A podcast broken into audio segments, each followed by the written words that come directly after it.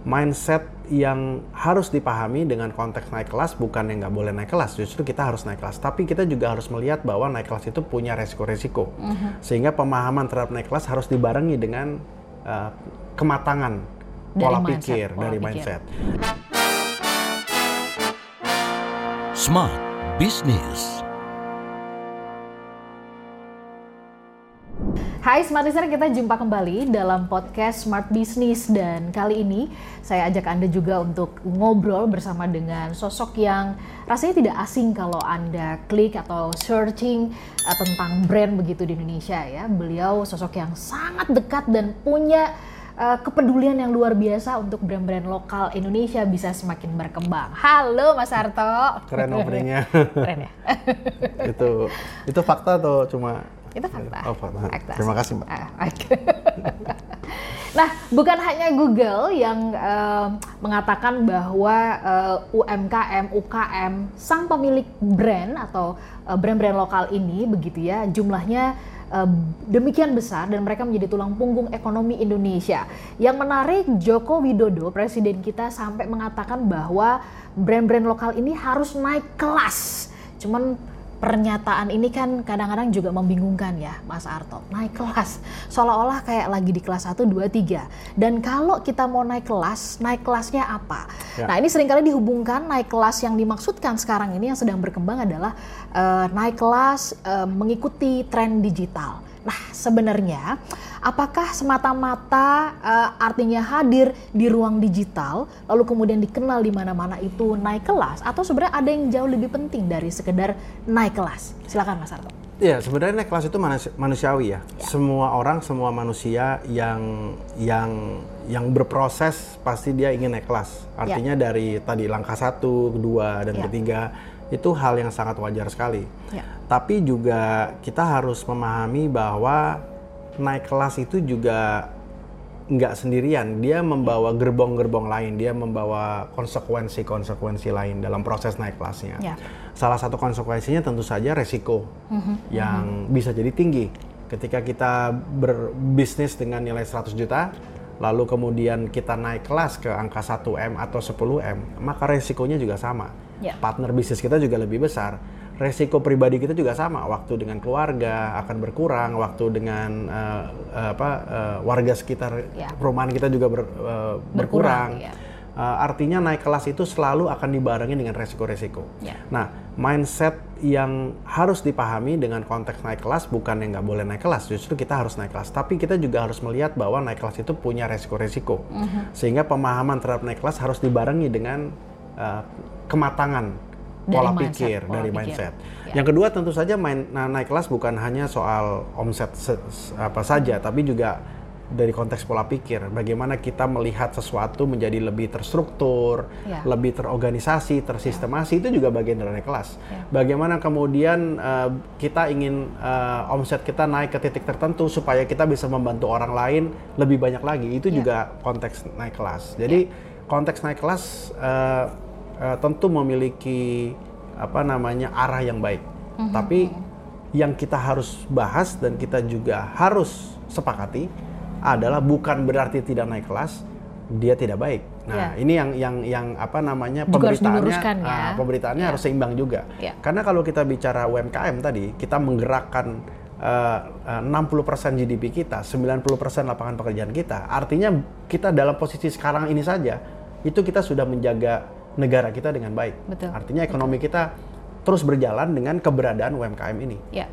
Tapi kalau UMKM-nya bayangkan semuanya dipaksa untuk naik kelas, maka yang terjadi kita desek-desekan, dorong-dorongan gitu kan, dan akhirnya kita bisa jadi akan ada yang tutup dan tidak Ya. bisa bertahan. Ya, ya, ya. Artinya itu bisa juga menciptakan uh, kondisi ekonomi yang tidak lebih baik dengan kondisi Ya. sekarang. Ya. Jadi proses naik kelas itu harus dibarengi juga dengan perubahan pola pikir, kemauan pribadi, bukan hanya didorong saja, tapi kemauan pribadi dan kesiapan mental untuk menuju ke titik itu. Ya, scale up tapi kemudian juga scale mind, ya. Begitu Betul, ya, Mas betul, Santo ya. betul, betul. Ngomong-ngomong soal mindset, ini menarik loh, karena eh, khusus untuk mindset sendiri, untuk merubah mindset, ada penulis yang eh, sebelumnya bukunya eh, sangat terkenal sekali gitu ya, Angela Duckworth. Ya. Itu sampai nulis khusus Grit soal ya? mindset. Ya. Nah, the grid-nya udah kan. Ini khusus soal mindsetnya. Ya. Nah, sebenarnya dalam uh, kaitannya membangun brand, mindset seperti apa sih sebenarnya yang harusnya dimiliki oleh para pemilik brand ini nih, Mas Arto? Iya, em, selalu ya dari dulu Mbak Ola, aku selalu mencoba untuk mendorong setiap wirausaha itu untuk sadar Iya. bahwa wirausaha itu punya level yang lebih tinggi dari sekedar hanya berdagang seperti zaman dulu. Oke. Bukan cuma soal trading uh, profit berapa, untung berapa, tapi menjadi seorang wirausaha hari ini dia itu adalah bagian dari sebuah solusi. Yang paling gampang misalnya solusi terhadap lapangan pekerjaan Oke. isu kemiskinan, ya kan? Mem- Memutus mata rantai kemiskinan, memberikan lapangan pekerjaan, membangun ekonomi daerah dan Ya. membangun rasa cinta pada Indonesia. Oke. Jadi fungsi kewirausahaan hari ini sudah jauh lebih advance, jauh lebih dibutuhkan dibandingkan sekedar hanya trading uh, apa namanya Dapat untung dan rugi untung gitu. dan rugi, ya. Jadi untuk bisa membangun sebuah brand dia juga harus bisa melihat itu ketika Ya. dia ingin besar, dia ingin besar karena dia ingin menyelesaikan permasalahan itu. Dia ingin besar karena dia ingin menyerap lebih banyak lapangan pekerjaan supaya kemiskinan bisa dikurangi. Nah, bukan besar supaya saya kaya raya selesai sudah gitu. Nah, i- ini yang yang sebenarnya sudah banyak sekali wirausaha-wirausaha sudah berpikir seperti itu Ya. dan uh, semakin banyak yang ingin naik kelas karena alasan itu gitu. Ya, Tapi kemudian kembali lagi dalam konteks tadi bagaimana proses mindset itu harus dibarengi juga dengan kedewasaan uh, memikirkan hari ini bagaimana uh, ekosistem itu bukan sebagai sebuah kompetisi tapi Iya. sebuah mitra Oke. Uh, dan banyak sekali wirausaha-wirausaha yang sudah uh, bergerak dengan nilai-nilai itu. Jadi uh, mungkin kita akan menuju ke arah yang lebih baik. Oke, jadi artinya kalau bicara tentang mindset ini adalah cara melihat, cara kemudian menimbang segala sesuatu gitu ya, bukan hanya dari sudut eh, untung dan rugi tadi seperti yang disampaikan oleh Mas Arto begitu. Nanti disa- di- di- dianggap sebagai eh, orang-orang yang ini enggak sih eh, itu kayak bisnis apa spiritual sih gitu loh. Ada kaitannya ke situ tuh Mas Arto. kan selalu ya ada yang bilang gini ya kontroversinya adalah ujung-ujungnya uang atau ujung-ujungnya bahagia gitu ya kalau Iya, di iya, aku iya, suka iya. posting di Instagram ada Iya, jawabannya ujung-ujungnya- ada yang ada yang nggak mau rugi jadi dua-duanya mau dapat gitu Ujung-ujungnya bahagia dan dapat duit gitu. ya.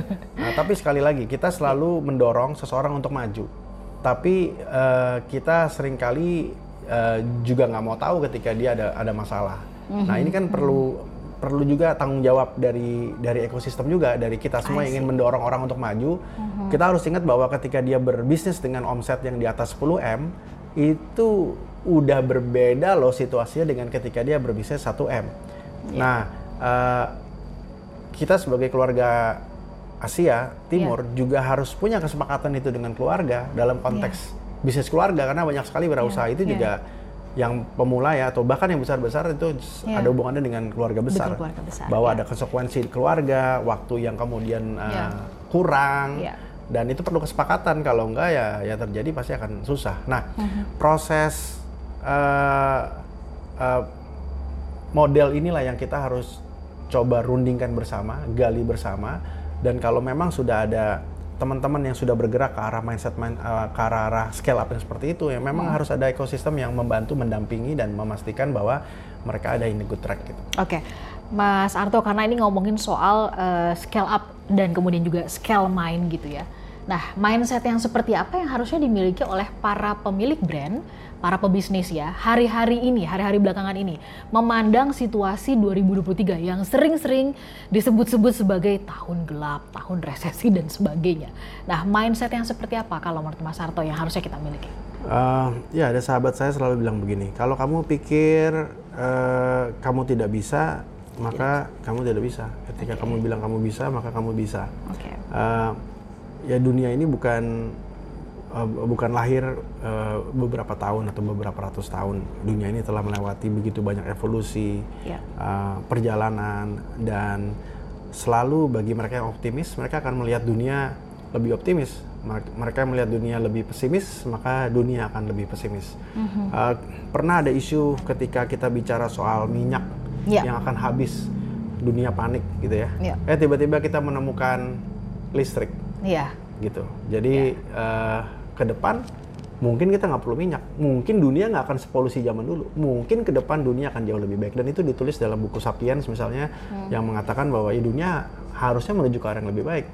Kita ada perang, tapi tidak seperti pada abad pertengahan gitu. Kita punya orang-orang yang yang juga apa namanya uh, sakit, tapi angka kehidupan di zaman sekarang jauh lebih baik dibandingkan 300 tahun yang lalu. Jadi kalau kita berpikir dari sisi yang optimis, maka kita akan ketemu dengan banyak hal yang optimis dan harusnya kita mm-hmm. punya mm-hmm. energi itu ya yeah. untuk mendorong Bapak Presiden juga selalu mendorong optimisme optimisme dan kita rasa kita perlu optimis dan kita perlu bertanggung jawab. Oke, okay. baik smart listener, topik yang seru banget nanti topik yang berbeda kita akan bahas di kesempatan berikutnya. Tetap bersama dengan kami dalam podcast Smart Business. Smart Business, lead you better.